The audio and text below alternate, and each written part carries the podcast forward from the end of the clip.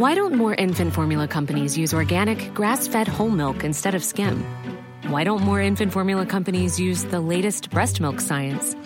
Why don't more infant formula companies run their own clinical trials? Why don't more infant formula companies use more of the proteins found in breast milk? Why don't more infant formula companies have their own factories instead of outsourcing their manufacturing? We wondered the same thing. So we made ByHeart, a better formula for formula. Learn more at byheart.com. Many of us have those stubborn pounds that seem impossible to lose, no matter how good we eat or how hard we work out. My solution is PlushCare. PlushCare is a leading telehealth provider with doctors who are there for you day and night to partner with you in your weight loss journey. They can prescribe FDA-approved weight loss medications like Wagovi and Zepbound for those who qualify. Plus, they accept most insurance plans. To get started, visit plushcare.com slash weight loss. That's plushcare.com slash weight loss.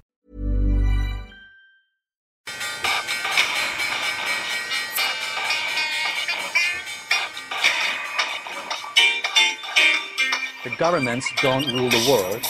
Goldman Sachs rules the world. Velkommen til den 34. episoden av podkasten 'Tid er penger', en podkast med Peter Warren. I dag skal vi ha en litt spesiell episode, fordi det har vært en litt spesiell begivenhet de siste uka i Norge. Så i dag skal vi utelukkende snakke om kraftmarkedet og den mye omtalte traden eh, fra en fram til nå litt mystisk og ukjent trader. Um, før vi starter, skal vi uh, presentere vår samarbeidspartner i podkasten, som er IG Markets.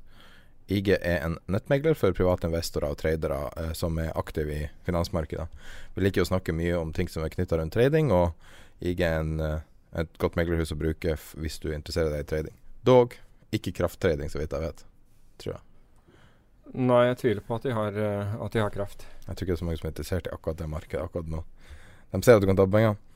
Eh, men du kan derimot handle det meste av andre markeder. Norske aksjer, utenlandske aksjer, long og short. Eh, du har eh, populær med råvarer, som appelsin, sukker. I tillegg så kan du handle alt av valuta. Statsobligasjoner, kryptovaluta. Eh, egentlig alt mellom himmel og jord. Og IG er spesielt bra hvis du ønsker å gå short i tillegg til å gå long, da, som ofte kan være litt komplisert. Eh, de starta for 40 år siden i Storbritannia, har 150 000 kunder. Og eh, det norske markedet håndteres fra det hovedkontoret til IG i Stockholm. Eh, hvis du vil eh, ha mer kontakt med IG, så kan du gå på www.ig.com no warren. Eh, vi har også en samtale med Erik Hansen fra IG Markets i slutten av hver episode. Og her et lite utdrag fra dagens samtale. Ja, precis. Spreaden är väldigt viktig. Eh, speciellt för, för traders då, som handlar mycket. Och också i synnerhet när man eh, har gearing på positionerna. Eh, som jag nämnde tidigare där så spreaden på tyska DAX är eh, en punkt. Vilket motsvarar 0,01 procent. Eh, och det ligger då nästan i linje med underliggande eh, termin. som har en rörlig spread. Da er vi i gang. Kraftmarkedet. Vet ikke helt hvor vi kan starte her. Skal vi starte på begynnelsen? Hva er, ja. Hva er begynnelsen? Einar Aas. Ja. Eh, fram til forrige uke mer sporadisk omtalt pga. formue og skatten hans. Nå litt mer behørig. Han, han starta, så vidt vi vet, det første han gjorde i kraftmarkedet, var han jobba i Interkraft Trading i Agder Energi. Eh, Seinere så på 90-tallet en gang så uh, starta han for seg sjøl og trada med en kvart million kroner i egenkapital. Uh, Jobba seg opp ganske kraftig, og på det største var vel Det største tallet jeg har sett, er 2,1 milliarder kroner i formue. Uh, har vært Norges største skatteyter. Ikke nå lenger, da, men det var altså stor skatteyter at det måtte være sånn nødmøte i hans lokalkommune når det her skjedde. Da, da er det viktig, da. I ja. Grimstad, tror jeg. Grimstad er korrekt. Eh, han hadde også Norges største inntekt. En av grunnene til det her var jo også at han gjorde det her som privatperson, ikke via et AS, ikke, ikke via et selskap. Så han gjorde det som på sitt eget personnummer. Eh, og så fram til sist uke så var det vel, så vidt jeg vet, bare ett bilde som eksisterte av han. Et svart-hvitt-bilde i veldig lav oppløsning.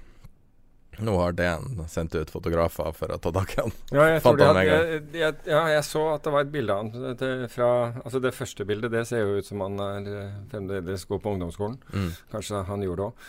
Men uh, så har man fornyet dette med et bilde som jeg har sett på fra 2016. Okay. Han har forandret seg litt i mellomtiden. Ja. men Det har vi vel alle. Jeg tror det var fra Agder Energitida, så det var fra 90-tallet det forrige. Uh, så du kan jo selvfølgelig lese alt du vil om han, men uh, har du møtt han, du? Nei, jeg har ikke det. Skulle gjerne ha møtt ham. Jeg, jeg tror jeg sa det i en tidligere epi episode òg, fordi det er helt riktig som du sier. Jeg, altså, dette er jo en, en trader Jeg har hatt viss sånn med kraftbransjen å gjøre, og, og hans navn har jo gått igjen. Eh, der, altså, han kommer jo opp i, i, i samtaler er veldig, veldig lett. Nettopp fordi han har, han har tjent så mye penger og vært ansett til å være ekstremt dyktig. Mm. Den største i markedet, tilsynelatende. Ja, altså det, største kanskje trader Altså, du har jo Statskraft og Vattenfall på en måte som er enorme i, i dette markedet. Um, men markedet har jo forandret seg veldig over tid. Men jeg husker at, altså, at han har vært den største traderen. Det, det tror jeg nok er riktig. Og hvis du går ja, tilbake til jeg vet ikke mm, Tidlig 2000-tallet Nei, kanskje tidligere enn det uh, også.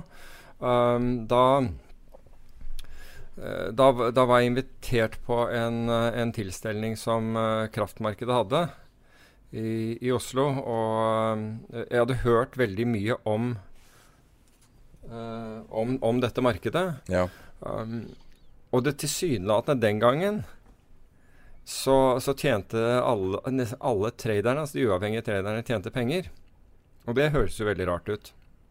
Men det man gjorde, var på en måte å, å frontrønne uh, de store produsentene, altså type Statskraft og Vattenfall. Og så på denne, på, på dette um, denne tilstelningen som jeg nevnte, så, så traff jeg eh, folk fra, fra de store produsentene, og så, så spør jeg dem liksom, hvorfor, hvorfor lar dere dette skje? Eh, for dere må jo vite at det skjer, og de visste jo at det skjedde. At de forsto når, når på en måte disse ville enten øke vannmengde eller, eller gjøre det motsatte. Og da sa de eh, at uh, det er viktigere for oss å ha likviditet i markedet. Mm. Og for at vi skal få likviditet, så må noen ta den andre siden av handelen vår. Um, og det er ikke alltid du kan matche tilbud og etterspørsel, og der er traderen en, en, en viktig ressurs. Så ja, vi kan nok av og til irritere oss over uh, ting de gjør, men i det store og hele har vi funnet ut at vi skal la dem være. Uh, og det er helt greit at de, at de tjener penger på denne måten. Men det forandret seg. altså I senere årene så forandret dette seg antageligvis i forbindelse med at markedene ble større, og du fikk jo bl.a. inn uh, Paul Tudor Jones sitt, sitt hedgefond, altså Tudor. I kraftmarkedet. Ja, ja. En av, altså, det var Einar Aas og en eh, Tudor-trader som, som satt i London, som var de to store i dette markedet en, en periode. Så jeg, jeg, altså, alt, altså Hvis noen får sånne fordeler, og det er åpenbart, så vil jo to ting eh, skje, eller kunne skje. Det ene er at mange hopper på, på samme, for de tenker jøss, her er det jo gratispenger. Um, eller uh, så skrus den muligheten igjen. Og hva som skjedde i dette markedet, jeg tipper at det var en, en kombinasjon av begge deler. Fordi veldig mange av de som drev med dette, noen som er faktisk nevnt i pressen i forbindelse med denne saken, og her også, plutselig så så tjente ikke de penger eh, lenger. De faktisk gjorde det motsatte i monn. Så, så da ble markedet vanskeligere. Men jeg husker jeg spurte en av, en av brokerne. altså I det markedet så har du intermarkedbrokere, altså broker som megler mellom partene. For, altså, øh, som hele tiden kvoterer priser og prøver å finne mo motparter i dette. Altså interdealer brokers. Um, så spur, jeg spurte en av dem uh, om, om Aas, og, og spurte hva er, det, hva er det med han. Og han sa han, han er kjempestor, men han er ekstremt flink til å kutte tap. Altså, han er øyeblikkelig ute. altså Hvis han føler at dette går mot ham fordi jeg, jeg, jeg, Mitt inntrykk var at han gikk jo på vannet, han tjente jo voldsomt med penger. Um, at han mer eller mindre gikk på vannet, så jeg lurte på hva Han sa han er bare veldig flink til å ha kutter tap så fort han får dem. Det er jo klassisk George Soros. Jeg Er jo kjent for en, en lignende ting. At han, han er ikke gift med posisjonene sine. Rundt eh, Jeg vil jo hevde at uh, det var nok George Soros opprinnelig. Og det kan jo også ha vært Einar Aas opprinnelig også, men da, da dotcom, altså eh, teknologiboblen, sprakk, så var Soros på feil side av den i utgangspunktet. Han hadde shortet den først, og så han var vel den siste pessimist som ble optimist. Og da klaget han på at han ikke kunne komme ut, osv. Så, og så, videre. så alle har sine begrensninger. Og da var han stor i det markedet, som Aas har vært i, i dette markedet. Når eh, var det markedet endra karakter, at, at uh, på en måte dømmene slutta å tjene penger? Det vet jeg ikke, jeg bare la merke til altså sånn over tid. For jeg fulgte dette litt grann fra, fra Men er det 2000, 2010, 2016? Ja, ja det var etter 2000. Det var etter Enron, fordi du kan si Eller det var i forbindelse med Vi lurte jo på om vi skulle ta en andel i, i dette markedet da etter Enron. For da hadde du, du hadde jo faktisk en, en uh, Enron her i Norge. Vi var og så på, på, på, dem, snakket med dem, for vi lurte på altså Vi tenkte at her er det mye flinke mennesker. Kan være interessant, men vi, vi, uh, vi besluttet å ikke gjøre noe. Uh, de gikk videre og gjorde noe Jeg tror de gjorde noe på, på egen hånd. Så det er mye flinke folk der. Men, men, er, men, jeg tror det har gått gradvis. Og så har du fått inn på en måte ja, hedgefond og andre, og det er klart at hvis um, de store produsentene som Statskraft og Vattenfall kan på en måte bli kvitt sin, sin, sitt tilbud til markedet uten å, altså, uten å måtte betale til, til tradere, som, altså sørge for at de nesten garantert tjener penger, så, så vil de jo helst gjøre det. Altså det, det dette er ikke veldedige organisasjoner, dette er, dette er forretningsfolk. Mm. Så jeg tror det har, gått gradvis over tid. Men, men, og i dag så ser du jo at at det er jo en rekke altså trendfølgende fond, bl.a., som er inne i kraft, faktisk. Altså utenlandske trendfølgende fond. Er det et uh, ikke-korrelert marked, sånn at det funker hvis du ja, altså, som oljefondet f.eks.? Ja, det, det, er jo eh, det, det er liten korrelasjon mellom, mellom, været og økonomien, for å si det på den måten. Eller vi har vel ikke klart å påvise enda. Ja, det er bare været en, som er faktoren? Ja, I Norge? Ja, akkurat. Med, da, det var viktig at du presiserte det, for det, dette skal vi jo komme inn på. Men at i Norge så er det jo først og fremst været, ja. Mm. Jeg lurer på om vi kan snakke om uh, altså, Spørsmålet er om, om, det er han som er det mest interessante i denne Eh, traden hans er jo interessant, og, og, hva som skjedde. Men, men kanskje snakke litt om markedet, for jeg, jeg, har ikke så klarhet i akkurat hvordan kraftmarkedet fungerer. Hva er det de trader? Ja, de, de, de trader jo da strøm elektrisk strøm. Altså, men i utlandet så trader du andre ting. Det er, det er trader du CO2 bl.a. Og det er mange variasjoner rundt. Men det er jo energi man, man handler der på disse børsene. Og det er klart at Men energi er jo flytende? Altså, ja, kan... det fins gass. Altså det fins mange mulig, altså, som påvirker markedene. Altså markedene altså Gå tilbake til det du spurte om i sted. og det er Hvis du ser på på um, det norske markedet, som da i hovedsak påvirkes av, av, været, altså været enten gjennom nedbør eller gjennom temperatur, så har du, du tysk kraft, som påvirkes av franske atomkraftverk, altså hvor mye de eh, produserer. Tyske, tysk solenergi. Det, det, påvirkes politisk gjennom, gjennom, disse, gjennom, CO2 og avgifter og sertifikater på det. Så der, der er det mye mer komplekst. Mm. Og når, da, og når man da gjør en trade, som i dette tilfellet, som det sies, men vi skal snakke om den mer, mellom tysk kraft og, og norsk kraft, så må man huske på at at korrelasjoner ikke er altså Der har man sett at ok, stort sett så beveger de seg likt. Ikke sant? Stort sett så har de beveget seg likt. Men så må man se at det er forskjellige innsatsfaktorer på begge som gjør at de kan bevege seg ulikt. Men vi er blitt så vant til at at det beveger seg likt. At man tror at korrelasjoner er stabile, og man tror at volatilitet er stabilt. Og da begynner man å komme på, på ville veier, fordi vi har hatt bl.a. kvantitative lettelser som for finansmarkedene har påvirket korrelasjoner voldsomt. Eh, og for så vidt volatilitet voldsomt. Men i risikoberegningssystemer så blir det gjerne sånn at man bruker data for la oss si de siste 90 dager, 200 dager, 600 dager, hva, hva, hva det måtte være. Men de begynner da å fange opp mer og mer at jøss, så stabilt dette er. Og hvis det er stabilt, ja, da kan vi ta mye mer risiko. Mm. Sånn som i valutalånmarkedet. For eksempel, ikke sant. Altså, minner jo veldig om det, da. Ja, ta sveitserfrang, ikke sant. Ja. Den, den, den, den, total katastrofe styrkelse av 40% på en dag. Det er Men helt vanvittig. Altså. Om jeg tenker altså 2008, da. Så før 2008 så hadde du sammenlignende korrelasjon som norske og tyske strømpriser. Over årevis. Ja. Og så over natta er det over. Ja, og det er, for, det er for disse tingene er ikke stabile. Vi vet, altså Du kan si at de som er matematisk orientert, vil vite at dette her er ikke, er ikke stabile over tid. Altså Det samme gjelder eh, finansmarkedene. ikke sant? Vi har hatt ti år med kvantitative lett lettelser som har ført til at noen forhold, altså noen korrelasjoner, altså samvariasjoner, er det at en aksje beveger seg, så skal den andre bevege seg tilsvarende omtrent, og, videre, har vært ekstremt stabile. Og, og vi lurer da hjernen vår til å tro at jøss, ja, men sånn er det. Sånn kommer det alltid til å være. Hvordan funker oppgjøret i det her? Fordi at eh, En ting som har dukka opp som Jeg kan aldri huske at At oppgjør, altså sånn som i altså VPS på Oslo Børs vil være, eller, eller da Nasdaq i Stockholm, at, at det blir en sentral faktor. Dog så tror jeg bak forhenget at det er en veldig sentral faktor. Oslo Børs anser jo oppgjør som, som kronjuvelen sin. Eh, Ja. Den største verdien de har, er jo oppgjøret. For det er jo at du får betalt for, for aksjene du kjøper eller selger. Eh, men hva, hva er det som har skjedd her? Fordi at du har partnere som er med. Ja, ja, hvis vi bare tar, tar hvis, Kan vi ta markedsstrukturen og så ta Ja. det fra Altså du har, du har de som har tilbudet, altså type uh, Vattenfall, svenske Det er altså la, lager strøm. Som lager strøm, uh, og, og Statskraft. Og så har du alle de som er kjøpere av kraft på den andre siden. Du har kraftverk som, som selvfølgelig selger inn i dette her.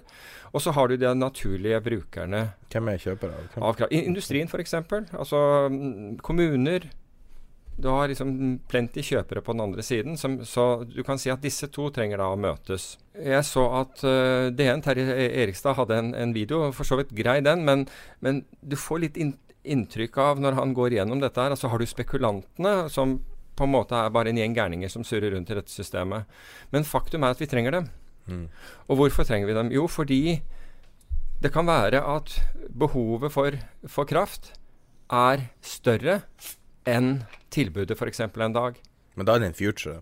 Eller Ja, forward? Eller? ja, da, kan det, ja da, da er det som regel For hvis det er spot-kontrakten, så vil det bli Den er jo veldig volatil. For der er det jo levering ikke sant, på den. Men hvis du har disse, disse kontraktene, uansett Det er veldig sjelden at tilbud og etterspørsel matcher hverandre helt nøyaktig. Altså i, i volum. Og det kan være at det ikke matcher på visse At du kan bare gjøre noe på no, en pris og noe på en annen osv. Her er det hvor andre, altså det Erikstad eh, kaller spekulanter, du kan gjerne kalle dem marketmakere, kommer inn og sier at ok, jeg kan bli med på denne prisen. Spekulant er et veldig negativt ladet ord. Ja, det er akkurat derfor. Men, det er, men du kan si at i alle markeder så fyller de på en måte en rolle hvor de sier at ok, her er det en mismatch mellom. Det er behov for flere eh, terawatt-timer enn en det, det er selgere. Kan, denne prisen syns jeg er god. Jeg tror jeg klarer å, å, å tjene penger hvis jeg selger den der, eller jeg tror jeg kan kjøpe noe annet. Mot det, eller noe sånt noe, i dette tilfellet. Um, og der fyller de sin rolle. Så de er helt nødvendige for å skape det volumet for at du skal få effektivitet i handel.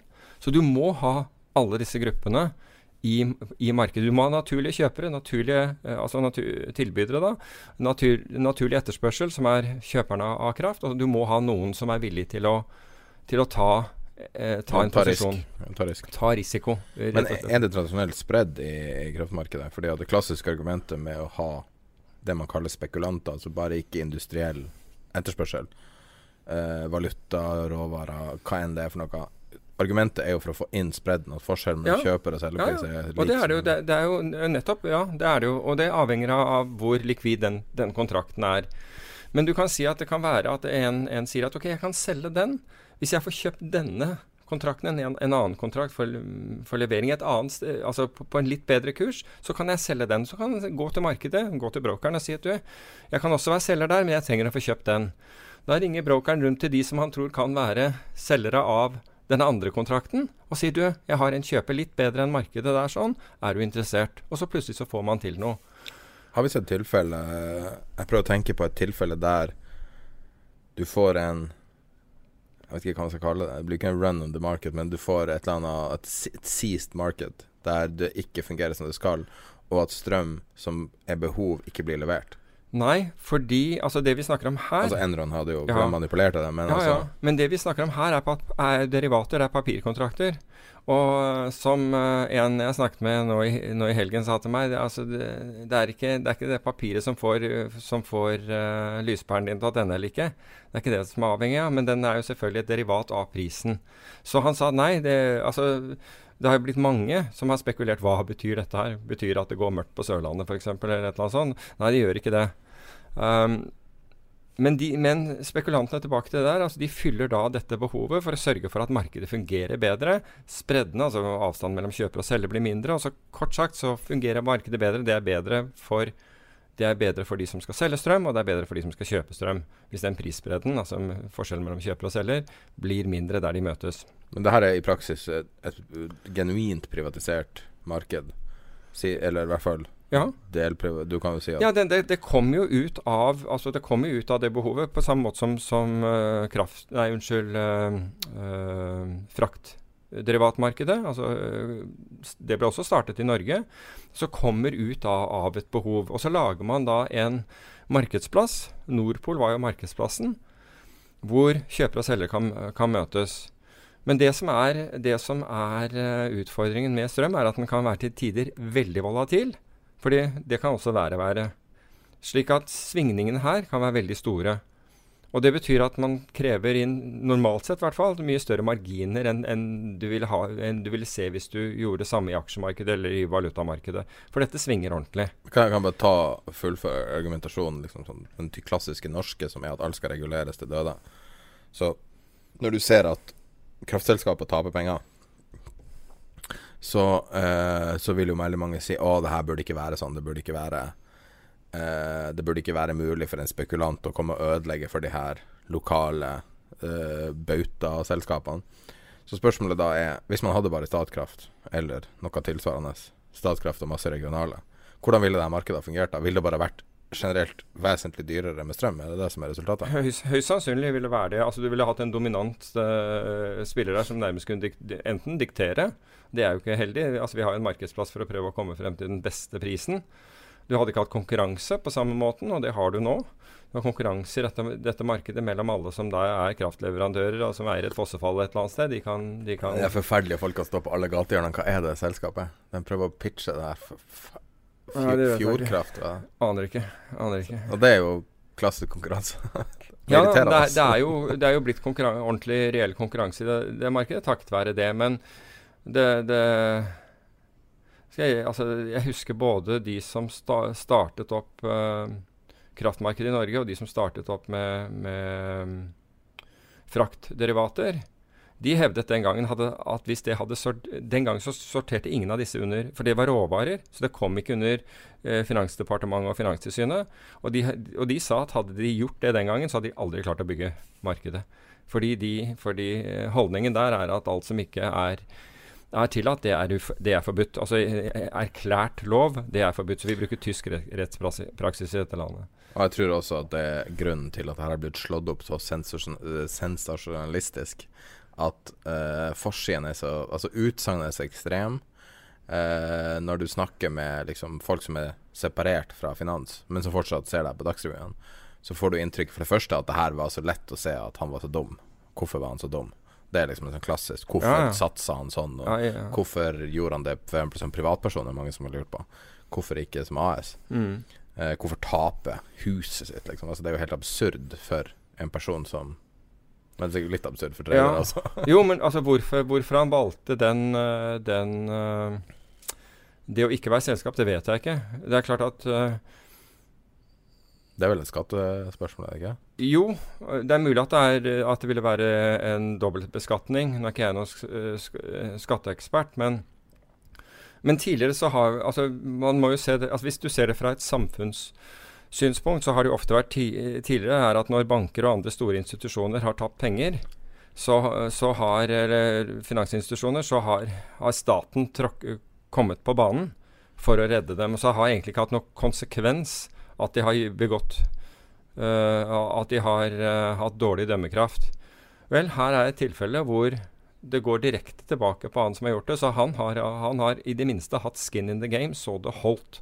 Og det skal han ha respekt for. Historiens verste helg, da. Ja, og han pøste på med ytterligere over 300 millioner kroner inn for å prøve å, å, å, å, dekke opp tapet. Så dette er jo ikke en som har stukket hodet i sanden og forsøkt å, unndra seg noe som helst. I hvert fall ikke hvis historien til nå er riktig. Han har gjort det motsatte.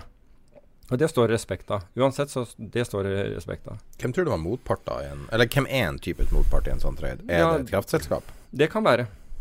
Det kan, være, det kan, gjerne være, kraftselskaper som har tatt den andre siden av den. Det er, det er jo noen med det motsatte behovet, men om det er én eller flere, det, det er vanskelig å, å, vite. I dette tilfellet så vil jeg tro at det er industrielle motparter på den andre siden. Så det er reelle altså, forbrukere av energi? Ja, men altså, jeg har jo tradet mange, mange spredder.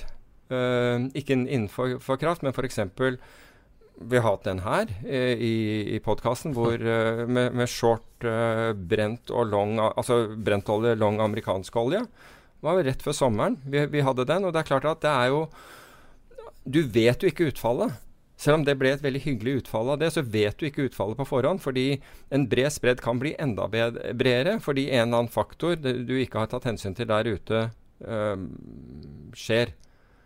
Så, så er aldri, du er aldri garantert. Og, du, og, selvfølgelig, før man tar en sånn spredd også, så regner man på, på hva dette er. Ser på, på, på, andre sammenligninger, altså eh, andre, andre ganger hvor spredden har vært bred. Se hvilke faktorer som har gjort den bred. Hvordan ser det ut med de faktorene nå? Hva er det som faktisk påvirker det nå? Um, og, og, og hva, hvilke syn har jeg på det? Så når, når, disse, når disse spreddene da lukker seg, så sier alle ja, ja, det var jo selvfølgelig riktig å gjøre. Det var jo helt opplagt å, å gjøre den. Mm. Men det vet vi først i ettertid. Og det var sikkert helt opplagt å gjøre denne spredden, som for øvrig har vier seg ytterligere ut i dag, as we speak. Så det betyr jo at den som er på den andre siden av denne her, også har en uh, Kan i hvert fall ha en, en, en tapende trade.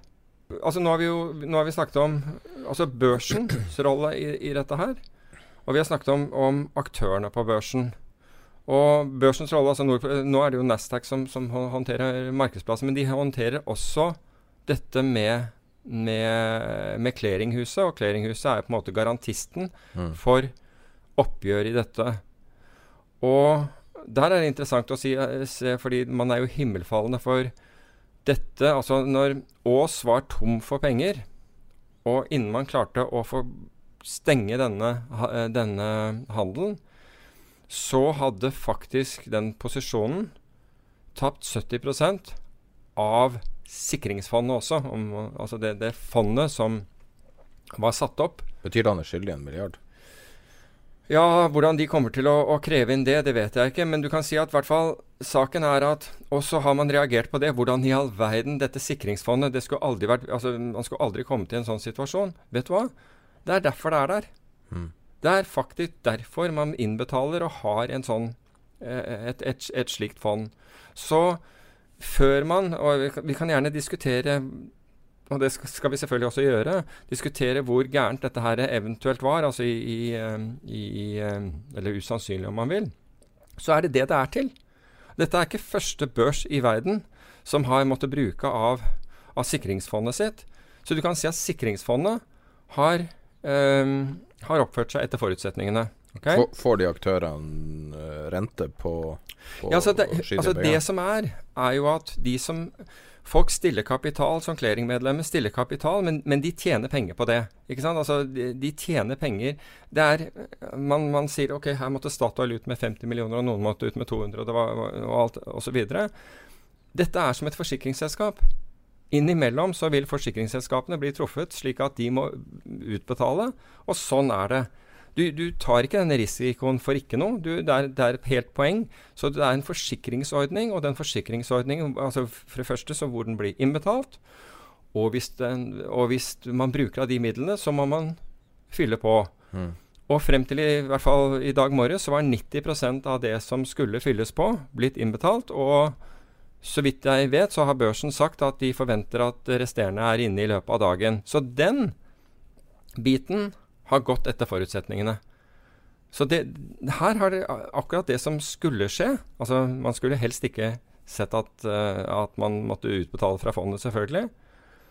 Men det har man måttet gjøre. Og så kan du si hvor hvordan fungerer da dette? Fordi det, altså, man kunne jo hevde at man har jo ikke betalt inn At marginene var ikke høye nok, kun, kan man jo anføre, siden man måtte ta av fondet.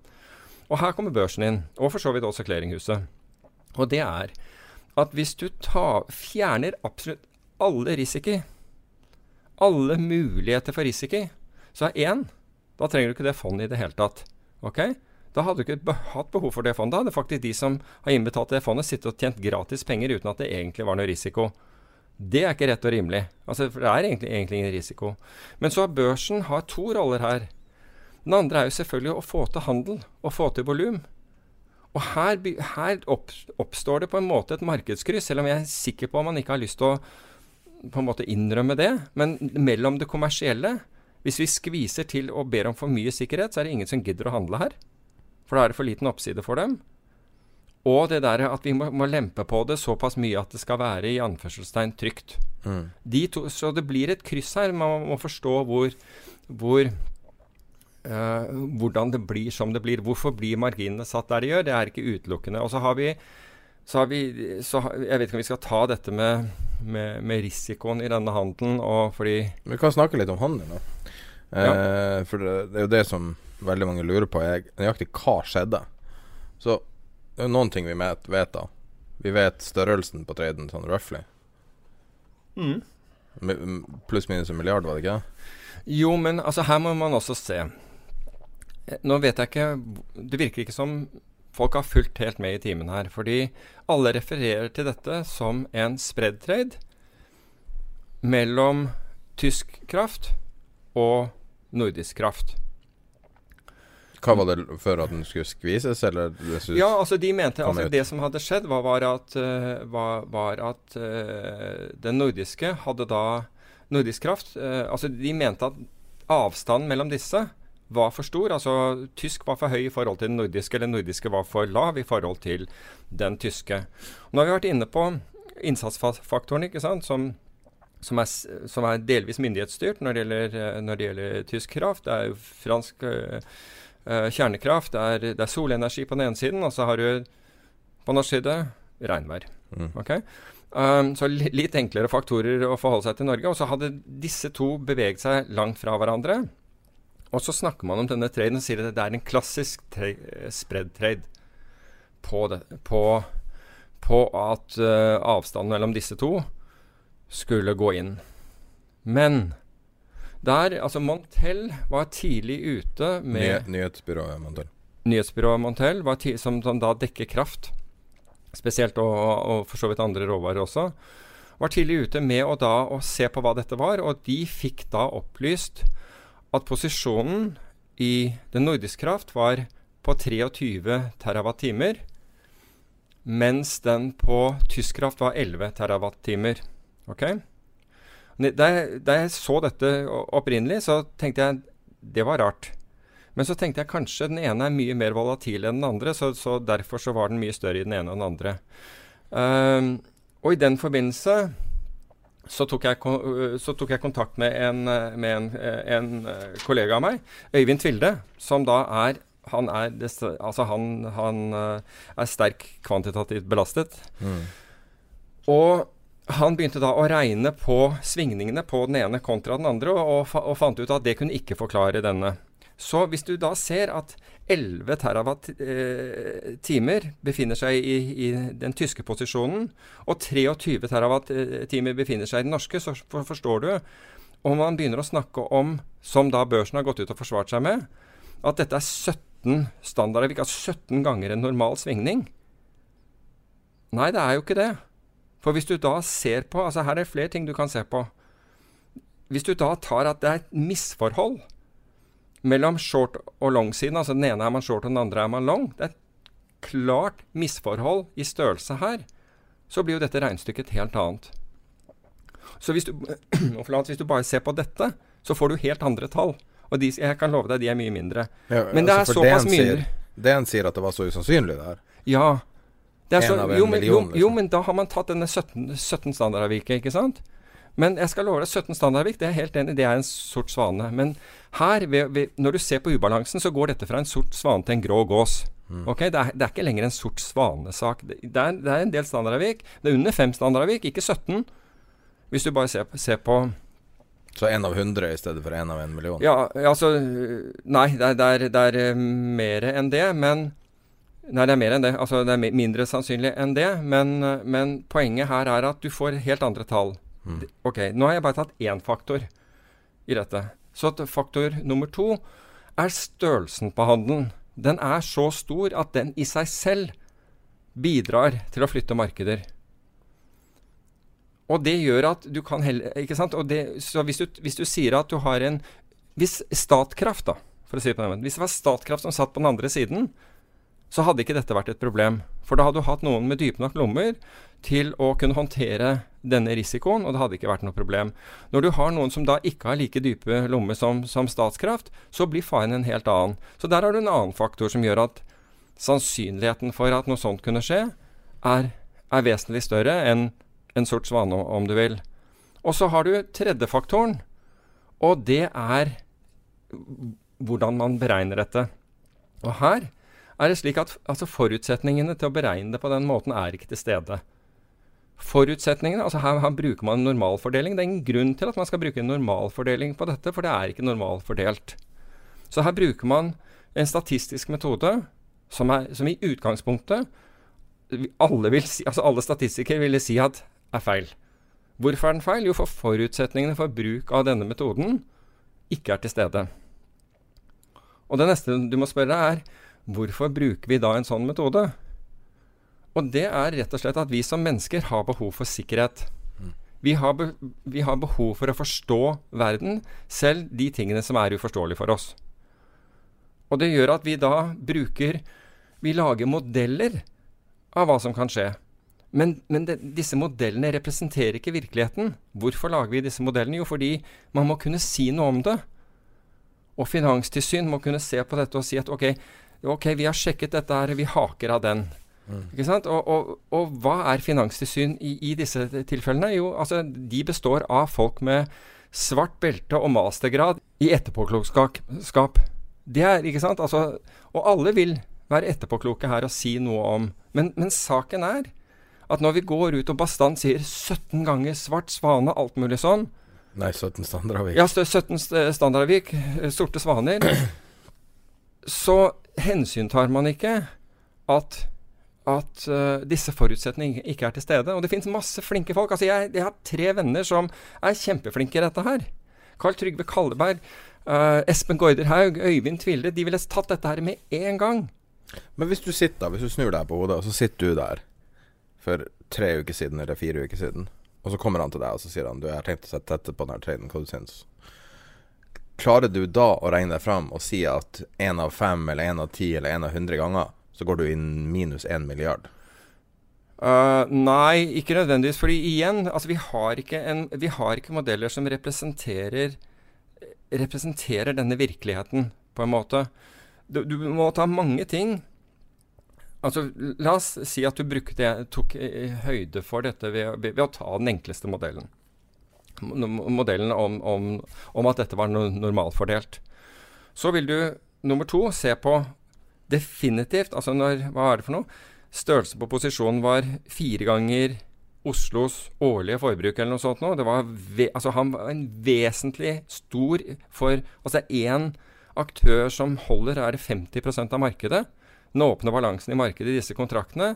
Altså Når du tar sånne ting inn i bildet, så skjønner du at, at risikoen for at noe skal gå Altså hvis noe går galt, så kommer det til å gå veldig galt det kommer til å gå langt galt hvis du gjør det. fordi, det veldig, fordi altså, Hvis du kan nok om kraftmarkedet, hvilket ikke jeg kan, bare så eh, det er sagt, men jeg har sett nå inn i, i tallene, vi har studert dem både før og etter, og øh, denne, denne, hendelsen så vil, altså Ved normale statistiske metoder så virker dette fullstendig usannsynlig. Men når du legger på de andre faktorene, begrenset med, med kapital, størrelsen på posisjonen, og, og, hvis du da begynner å, å, studere dataene selv og ser at dette ikke er normalfordelt, så vil du si at ok, dette her Altså en eller annen sted må jeg ha en grense jeg, jeg vil ikke kunne si det. Nei, jeg vil ikke kunne si det du spør om, men jeg vil kunne si at her må man være Altså denne posisjonen bør ikke være større enn dette, i hvert fall. Fordi er Fordi utfallene er så ukjente. Så jeg vil aldri kunne regne frem til, og i hvert fall ikke jeg uh, kunne regne, Altså, jeg lener meg på the brilliance of, of others. Um, regne meg frem til hva som var sannsynligheten for at dette skulle skje. Altså, I ettertid er det mulig at vi kan, kan, gjøre det, men på forhånd? Nei. Men jeg ville kunne, jeg ville kunne forstå at, at det, det fins visse premisser som, den, som denne posisjonen ikke bør overstige for at den blir veldig, veldig risky. Og det er veldig risky når du sitter med og, og holder, og holder Altså er, er, motpart til omtrent hele markedet. Altså Kan det her ha vært Du snakka tidligere om cascading causality. Ja. Tror du det her compounding causality. Compounding ja. causality. Kan det her ha vært noe sånn? Altså Prøv å forstå hva det er. For altså, han vil jo ikke snakke. Han har jo Jo, men det er en compounding causality. Starta med et lite tap, som han begynner å chase. Ja, altså hvis vi skal Altså, dag, Dagens Næringsliv i dag sier jo at, at tapene begynte allerede i juli. Og Når man studerer grafene for hvordan det var i juli altså Husk på at denne er svært ubalansert som spread trade. og Derfor så tror jeg ikke at den opprinnelige posisjonen er den posisjonen som man sluttet med. Uh, jeg tror at den er blitt modifisert underveis. Det kan godt hende. Større? Ja, større, men, men større i et ben, f.eks. For eksempel. Fordi altså, Hvis du gjør en spread trade, så enten så gjør du den for lik verdi på begge sider. Men det er klart at hvis den ene siden er mye mer volatil, altså svinger mye kraftigere enn den andre, så kan det være at du justerer for det. Med andre ord, du har mindre på den siden enn du har på den andre. Her har det gjort det motsatte. Her er den siden som svingte mest, i hvert fall fra, fra årsskiftet og frem til nå, den har den største, største posisjonen. Så dette ser ut som en retningsposisjon mer enn noe annet. Men hvis det var det, og, og, og en ren retningsposisjon, og den ble tatt i juli, så mener jeg at norske faktisk steg. Så den, den burde ha tjent penger i en, i en periode der. Altså, men det er ren spekulasjon for meg, fra mitt, mitt ståsted, å si at det, det, virker nesten som den andre siden blir liksom lagt på som en hedge et eller annet sted ute ut i, ut i, løypa. Mm. Um, eller at du øker, øker f.eks. den norske siden fordi nei, den har falt for langt, så jeg tar i mer her. Jeg bryr meg ikke om den andre siden. Altså, at sånne ting er gjort. Men alt går på Dessverre så har ikke Nasdaq vært villig til å verifisere størrelsen på posisjonen, nemlig 23 TWh på, på nordisk del og, og de 11 TWh på, på tysk del. Noe jeg syns den burde ha gjort. Fordi det, det, er, det, er, jo på en måte viktig informasjon til markedet. Og spesielt nå som posisjonen er er avhendet. Altså det man gjorde, var at man har seks medlemmer på børsen der, og det er sikkert veldig store aktører, som de kan henvende seg til i situasjoner som dette, og så ble posisjonen auksjonert bort mm. til dem. Så det er klart at Det minner jo fælt om en annen situasjon der. Ja, det minner vold... Hvis du tenker på long term capital management, det er jo helt samme. til de grader er det det. Til, til, til, de grader er det det. Men long term Og ikke bare, ikke bare på dette, men hva er det long term capital management gjør? Jo, de tror på stabile korrelasjoner.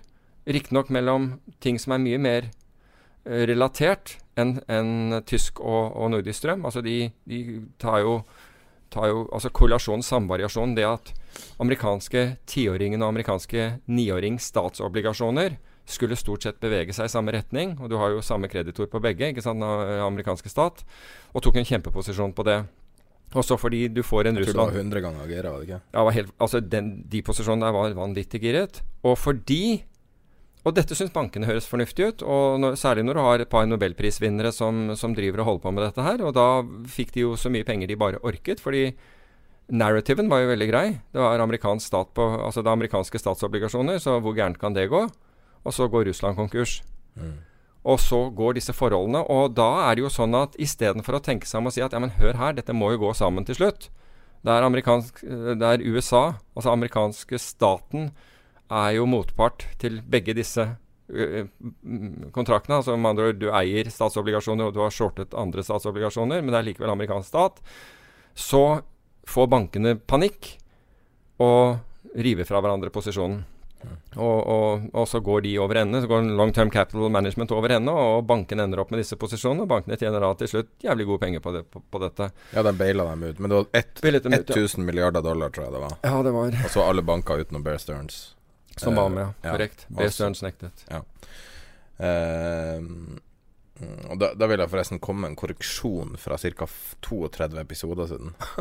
der jeg sa at Lehman Brothers og Bear Stearns nekta, men det var bare Bear Stearns. Ja, det var, Så var jeg vil be- beklage episode to eller tre. Ja, men jeg, jeg tror jeg også den gangen altså, det ble en diskusjon, for jeg mente at Lehman var med på det, men, men, uh, men Bear Stearns ikke. Men i hvert fall. Uh, har, Eh, jeg har angra meg i et år nå, så endelig fikk jeg retta opp det.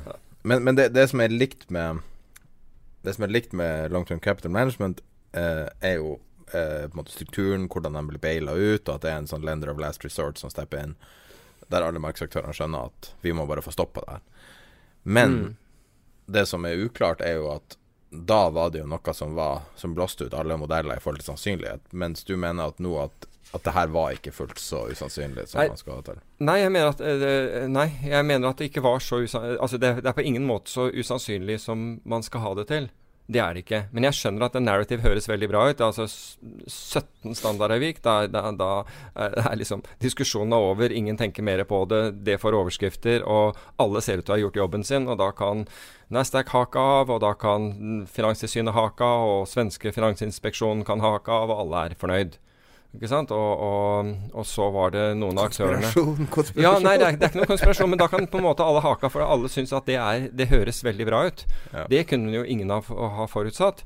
Men da ser man ikke på premissene, og jeg tror det er en grunn til at liksom Nasdaq ikke går inn der og bekrefter posisjonsstørrelsen. Men ifølge Montell igjen, Montell News, så har en rekke markedsaktører bekreftet dette. Så, så Igjen, det er ikke uavhengig kildebekreftelse. Vi skulle gjerne hatt det, og, og Nasdaq er den som kunne oppklare dette. Men hvis det er en så stor ubalanse så, i posisjonene, så er det feil. Det er det ene. Der, da er, Burde han ikke fått lov å gjøre det?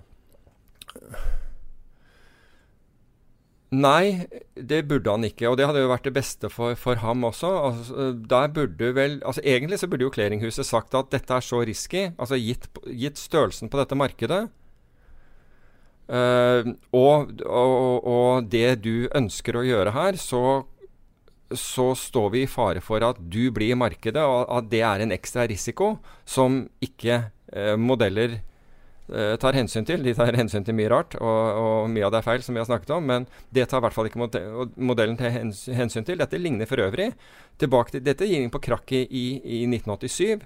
Da Leland O'Brien Geske, som, da, som driver med porteføljeforvaltning, eller port portfolio ja, eh, ja, port riktig porteføljeforsikring. De hadde også glemt en liten en, en, en fak faktor i sin modell, fordi de, de tilbød seg at, du, at alle store pensjonskasser og andre kunne få forsikre eh, porteføljene sine mot tap. Mm.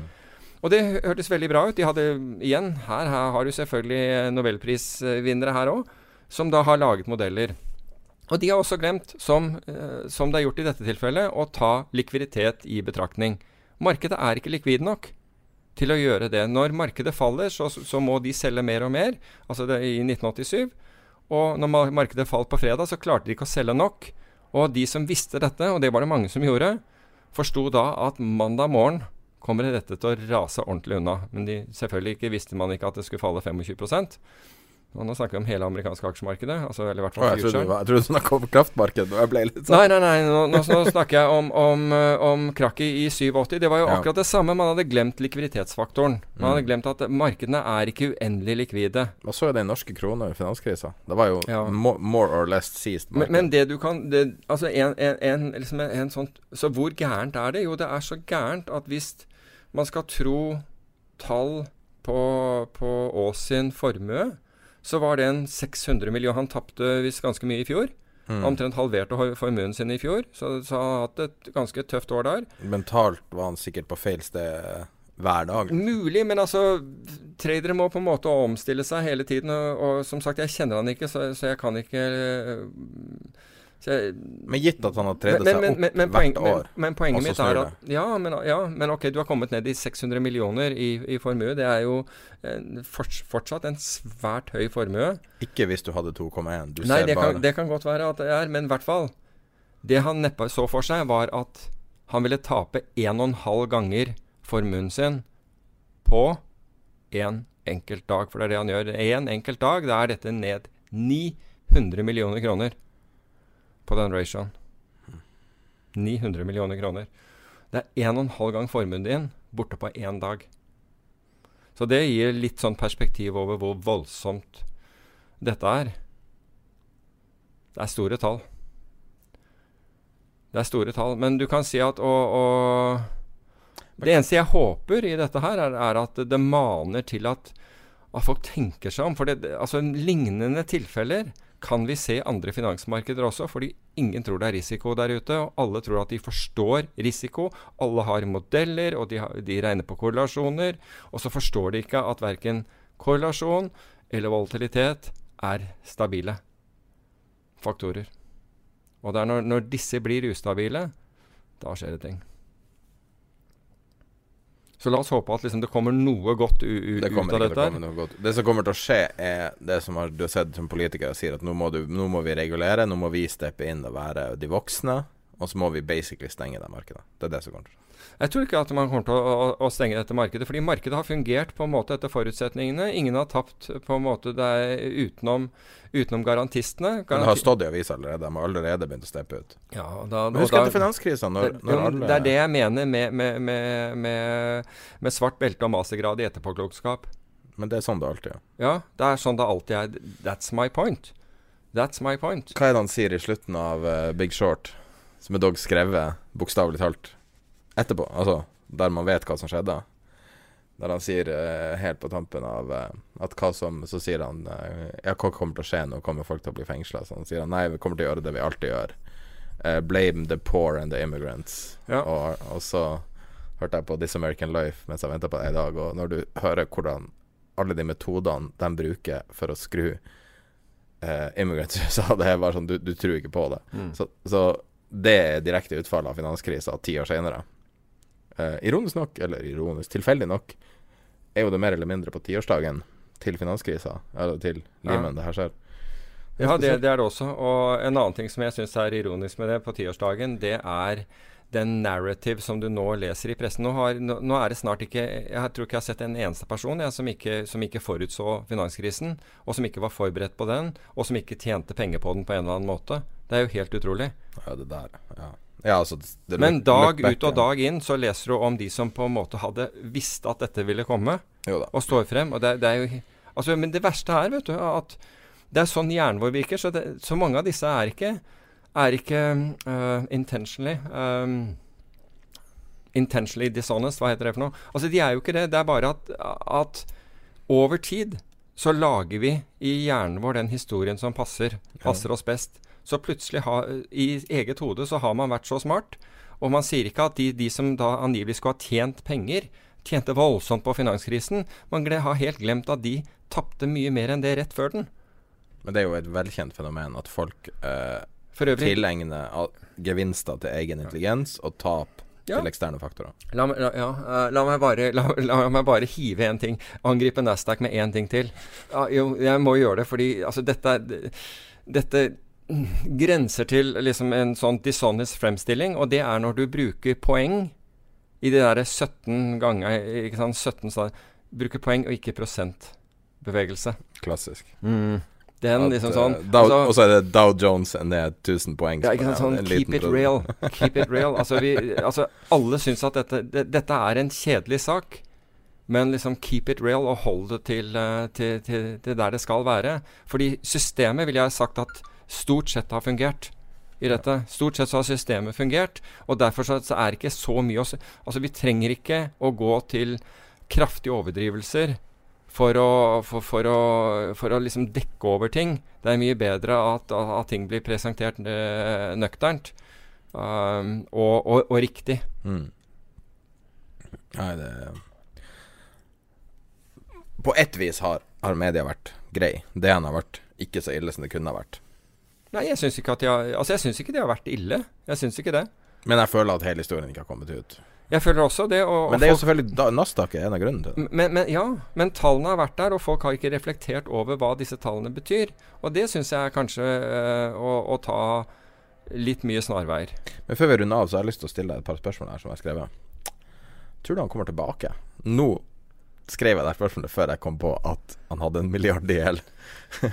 Tror han kommer tilbake? Jeg håper at han kommer, kommer tilbake, uh, men jeg gjør jo det. Altså, dette, er en, dette er en fyr som har ekstremt mye kunnskap, og jeg vet ikke hvor at, den, at denne situasjonen han er i nå, er ekstremt belastende, uh, mentalt belastende i tillegg til økonomisk belastende. Det er jeg ikke i tvil om. Men ut av det, altså det mentalt belastende håper jeg altså det er det, Du har en sånn akuttfase med, med, med traume. Etter hvert så, så går det bedre.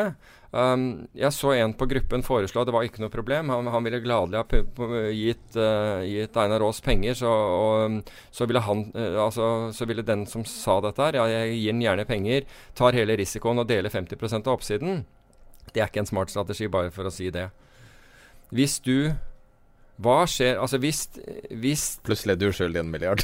ja, ikke sant. Men, men altså, folk må tenke seg om. Hva, hva og det, altså, det kan godt hende at det, Jeg sier ikke at ikke det fungerer, men det er, det er ikke en smart strategi. Fordi hvis noen gir deg et beløp, eller meg et beløp, eller hvem som helst det er, å handle for Jeg har ingen nedsiderisiko. For jeg, altså, beløpet er ikke mitt likevel, så jeg har ikke beløpet. Men det er ingen nedsiderisiko for meg. Jeg har bare oppsiderisiko. Da er den matematisk riktige tingen for meg å gjøre å ta maksimal risiko med de pengene. Absolutt mak maksimal risiko med de pengene, i tilfelle jeg liksom skyter gullfuglen denne gangen. Og det er ikke en bra sted å være. Det er ikke, bra, altså, det er ikke der Einar Aas har vært. Og jeg tror ikke det er der han, han burde være. Men folk må tenke seg om før uh, før, før uh, de, de, foreslår noe sånt nå, fordi du må, du må måtte regne deg litt fram til hva er, det, hva er sannsynlig at vedkommende da gjør, eller hva er det riktig for vedkommende å gjøre. Og hvis jeg har ingen risiko, så er det hvis jeg har absolutt ingen risiko hvis, hvis, noen kunne fortelle meg at jeg kunne hoppe ut av et fly uten, den, uten fallskjerm på ryggen Det er garantert ingen risiko. Det er Garantert ingen risiko. Hvorfor skal jeg liksom ha en skjerm med alt det der eh, maset rundt det der? Den kan jo få en feilfunksjon, så kan jeg slå meg gjerne mot bakken. Altså, skjønner du? Altså, hvis du har null risiko det er, det er, altså, Null risiko lærer oss ingenting. Det vi lærer, er å faktisk ha risiko. Og det er folk som Einar Aas som tar risiko, som tar den selv. Som på en måte Folk vil sikkert arrestere meg og tenke himle med øya nå, men som faktisk fremmer samfunnet. Han har betalt masse i skatt. Han har sørget for at det har, det har gått bra i kommunen. Milliarder. Milliarder. Gått bra i kommunen der, der, han har vært. Hvis det er noen som burde putte opp noe penger, så er det faktisk den kommunen. Ta en liten sånn rulling der og, se, og, og, og, bli enig med et eller annet med Einar Aas. Ja, men du, kan du forestille deg jo, men, hør, Kan du forestille ja, deg Jeg vet det, men de, de har fått har Tenk deg hvor mye penger de har fått. Tenk deg hvor mye penger han har skaffet dem. Så hvis de kunne gjøre en eller annen deal med han, men hvor også han har, har risiko, det hadde jeg, altså, Da hadde jeg Wow. Det hadde jeg likt hvis Erna Solberg stiller opp stor pressekonferanse. så ok, vi har fått så mye av det. Ja, så, Her er ett års skatt tilbake. Ja, så, så, jeg håper at han kommer tilbake. Han, og en annen ting er at han har, han har uvurderlig kunnskap om markedet. Han har uvurderlig kunnskap. Hvordan han har brukt den, det er en annen sak, men han har uvurderlig kunnskap om hvordan markedet virker, og nå hvordan det ikke virker. Ja. Og trader har en tendens til å komme tilbake også. Ja. Jesse Livermore, f.eks., uh, kommer tilbake fra The Brink mange ganger. Så, så altså jeg vil mye, altså, og det er fra egen erfaring, og det har jeg vært veldig klar på. Jeg vil ha tradere som har hatt tap, og gjerne svinetap, mye heller, og som har opplevd det på kroppen når de skal trade for meg. Mye heller ha de enn en som kommer inn og forteller at aldri har tap. Og har de er det mange av. Har du tapt alt nå? Og, har jeg? Tapt alt nå? Ja, absolutt. Men ikke mer enn alt. Ikke mer enn alt. Altså 100% ingen kroner på konto?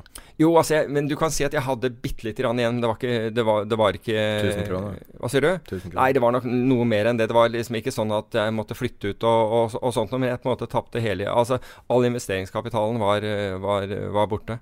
Og det var helt i begynnelsen av, av karrieren. Hvordan helt i begynnelsen. Hva? Hvordan føles det? Nei, det var jo det for, forvirrende, frustrerende, du ble sint, lei deg, all, alt det der. Men altså, jeg hadde maksimal uflaks når jeg begynte med, med trading. Absolutt maksimal uflaks, og vet du hva det er? Ja, Du har fortalt liksom om tre ja. Ja, men det, det, er, det, er, at du har rett på første du gjør. Ja, Det er helt forferdelige ting. Ikke sant? Og, og, for meg så var det jo long sukker og short aluminium. Det var for øvrig ikke en spredd, eh, men, men, det var bare to muligheter. Og sukker gikk opp, og aluminium gikk ned, så jeg hadde en helt vanvittig av, avkastning av det. Og da, dermed trodde jeg at det, dette kunne jeg. Mm.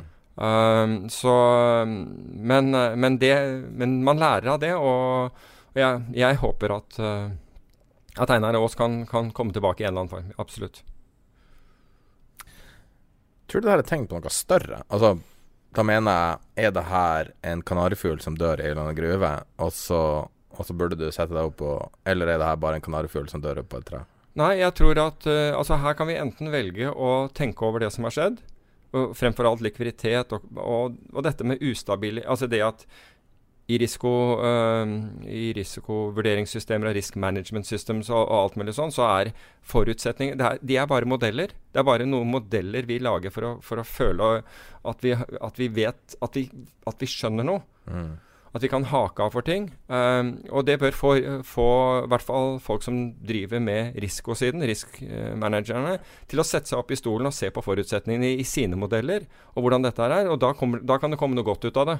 Mm. Da kan det komme noe godt ut av det. Hvis vi i, i, motsatt, motsatt, fall lukker øynene for det, så dukker lignende opp andre, andre steder. Fordi markedsstrukturen nå er annerledes enn den var f.eks. under finanskrisen og før finanskrisen. Jeg tenker sånn som Enron skjedde rett før. Uh, ja. Rett før, eller rett under. Hva, hva var um, Enron var jo helt i begynnelsen av 2000, var det ikke det? Ja, så det var rett før. Det smalt. Ja, dotcom, ja. Og så uh, var det noen sånne hallmark-ting som skjedde rett før finanskrisa. Altså annet enn selvfølgelig eiendomsmarkedet. Men ja, ja. Det var jo bl.a. at, at uh, markedet for kredittobligasjoner hadde, å, hadde falt i åtte måneder, i hvert fall før Oslo Børs begynte å falle. Ja, selvfølgelig. For, ja. For, ja, det var mange ting der som, som tydet på, på Altså vi, vi ting som ikke var naturlig ja, vi tok, vi tok posisjoner på det. Vi tok rett og slett posisjoner på det. Så med det mener jeg at selv om ting er totalt isolert Nå er jo kraftmarkedet kanskje mer isolert enn en andre ting pga. sånn som du sier det, været er jo Altså det er jo perfekt ukorrelert. Men likevel så er det folk og penger som står bak alt det her. Så spørsmål, liksom, Det som er på en måte hengende spørsmålet som er vanskelig å svare på, er Er det her sånn urovekkende ting som skjer? Norge Altså, det må jo være den største margin callen ever i Norge. Jeg kan ikke forestille meg at noen hadde en større trade som har gått galt på den måten. Nei, jeg Det er vel uh, Sannsynligvis er det vel det. Den største margin call ever. Jeg vet jo om uh, noen store i valutamarkedet, uten å navngi hvem det er, men som jeg refererte til i sommer, hvis du husker det. Ja, altså du kan si at de som har vært i Det har jo vært store margin calls altså, i valutamarkedet, men de har ikke vært på enkeltpersoner. Altså største margin callen jeg tror har, som noen gang har vært i valutamarkedet, var 15.1.2015, da sveitserfrangen ble sluppet.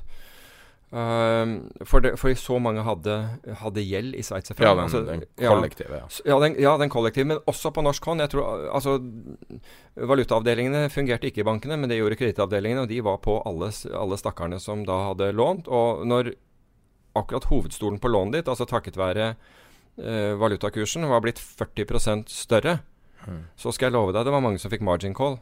Da tenkte jeg på Island, da. Boliglånet ble fire ganger større. Ja. Det er en veldig fin dokumentar fra BBC, som er en podkast med BBC sin dokumentarserie om uh, Island sin uh, Så jeg har, har, det veldig friskt i minne. Jeg hørte på det nå i forrige år. Okay. Um, tror du kraftmarkedet vil reduseres i størrelse, altså at, at, det rett og slett blir mindre interesse for det? Folk blir litt sånn brent, eller er det glemt om ei uke eller to? Nei, altså Det første som, som nå er gjort, altså som jeg, som jeg vet at Nasdaq har gjort, er at de har, eh, de har økt marginene generelt, og økt spreddmarginer. Så det, de to tingene tilsier jo at volumene vil gå ned.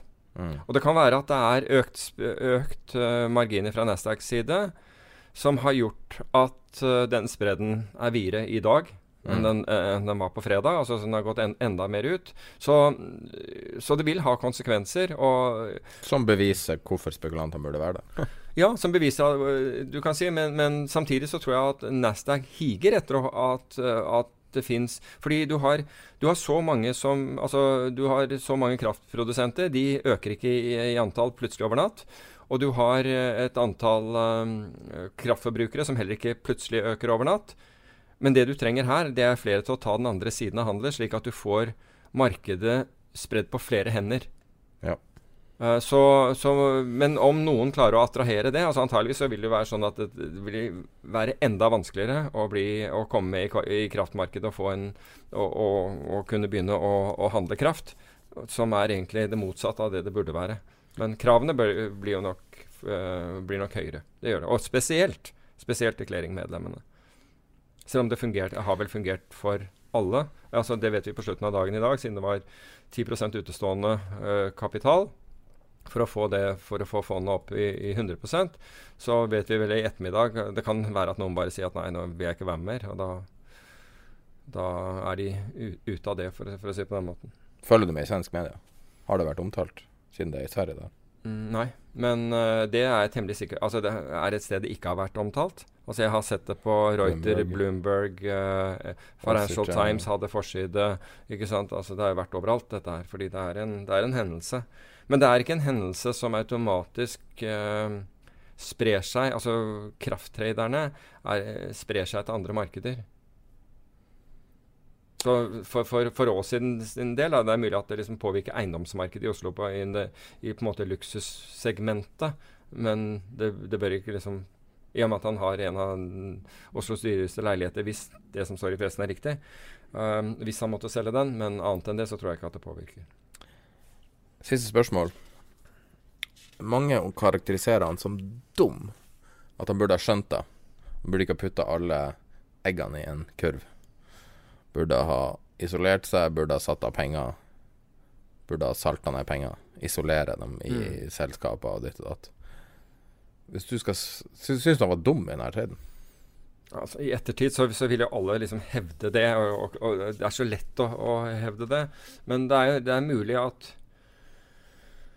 Altså, uklok, ja. Dum vil jeg, syns jeg ikke er en, en riktig karakteristikk. Men, men altså, basert på informasjonen som, som han satt på da når han gjorde den, den, den traden, så kan jeg fullt forstå at han tar den traden. Hva det er som får han til å eventuelt øke i den traden etter hvert, det, på, det kan være hubris. Jeg vet ikke hva det heter på norsk. Uh, men uh, vet du? Jeg klarer ikke å Men altså Man sier jo hybris, men uh, jeg vet ikke. Eh, ja, ikke sant? At, at, ego. jo, altså ego. Rett og slett at du at, Nei, vet du hva, jeg er større enn en dette markedet. Jeg bare kliner til, så, så, går det. Altså Alle tradere har vel gjort det der en gang. Altså Hvis du ikke har gjort det der som trader en eller annen gang i livet ditt, altså en, en sånn Kall det da dumhet, da. Så har du ikke vært trader lenge nok. Rett og slett. Um, Men det er ikke så veldig ofte du må sende pressemelding fordi at du vet at det her kommer til å bli en sånn shitstorm hvis du ikke gjør det. Nei, ære være han for at han på en måte gjorde det og, og ja. For det kunne ha vært veldig mye verre hvis Nasdaq hadde kommet ut med at hadde fått lov å fortelle den første historien. Mulig.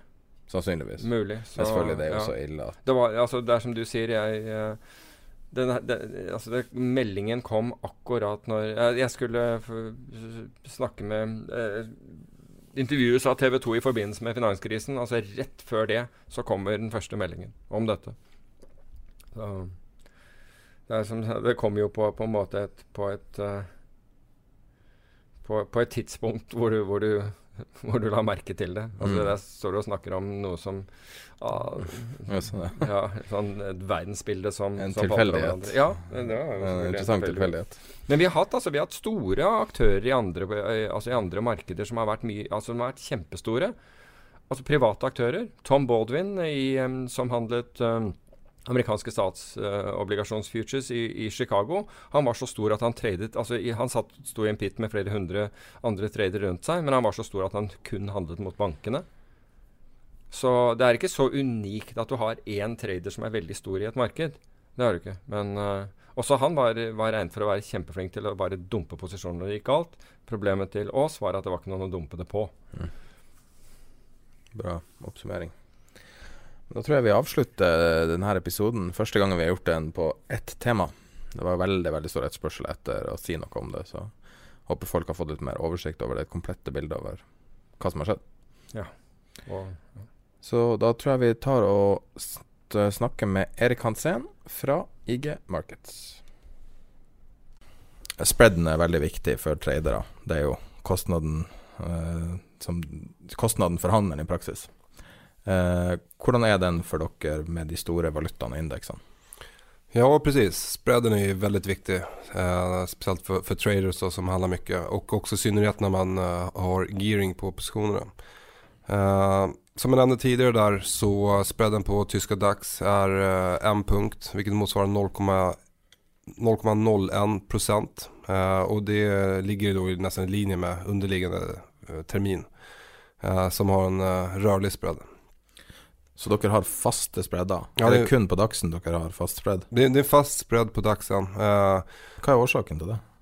ja, de, uh, Er det en strategisk årsak for at, at tradere skal kunne alltid forholde seg til ja, jeg, jeg, tror det är et sett, jeg tror det er et sett for oss å gjøre det enklere for, for kundene.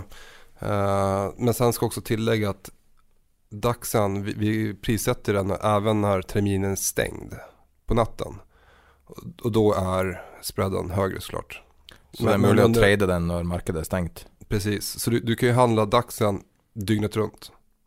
Men när terminen är öppen från klockan åtte åtta på morgonen fram till stängningen så har vi en spread på en punkt som är fast. Sen, sen senare under natten så, så, så ökar den lite grann på grund av att vi har högre kostnader. Men du kan ikke trade i helga, kan du det? Nej, inte heller. Nej. Vi, har, vi har en söndagshandel dock.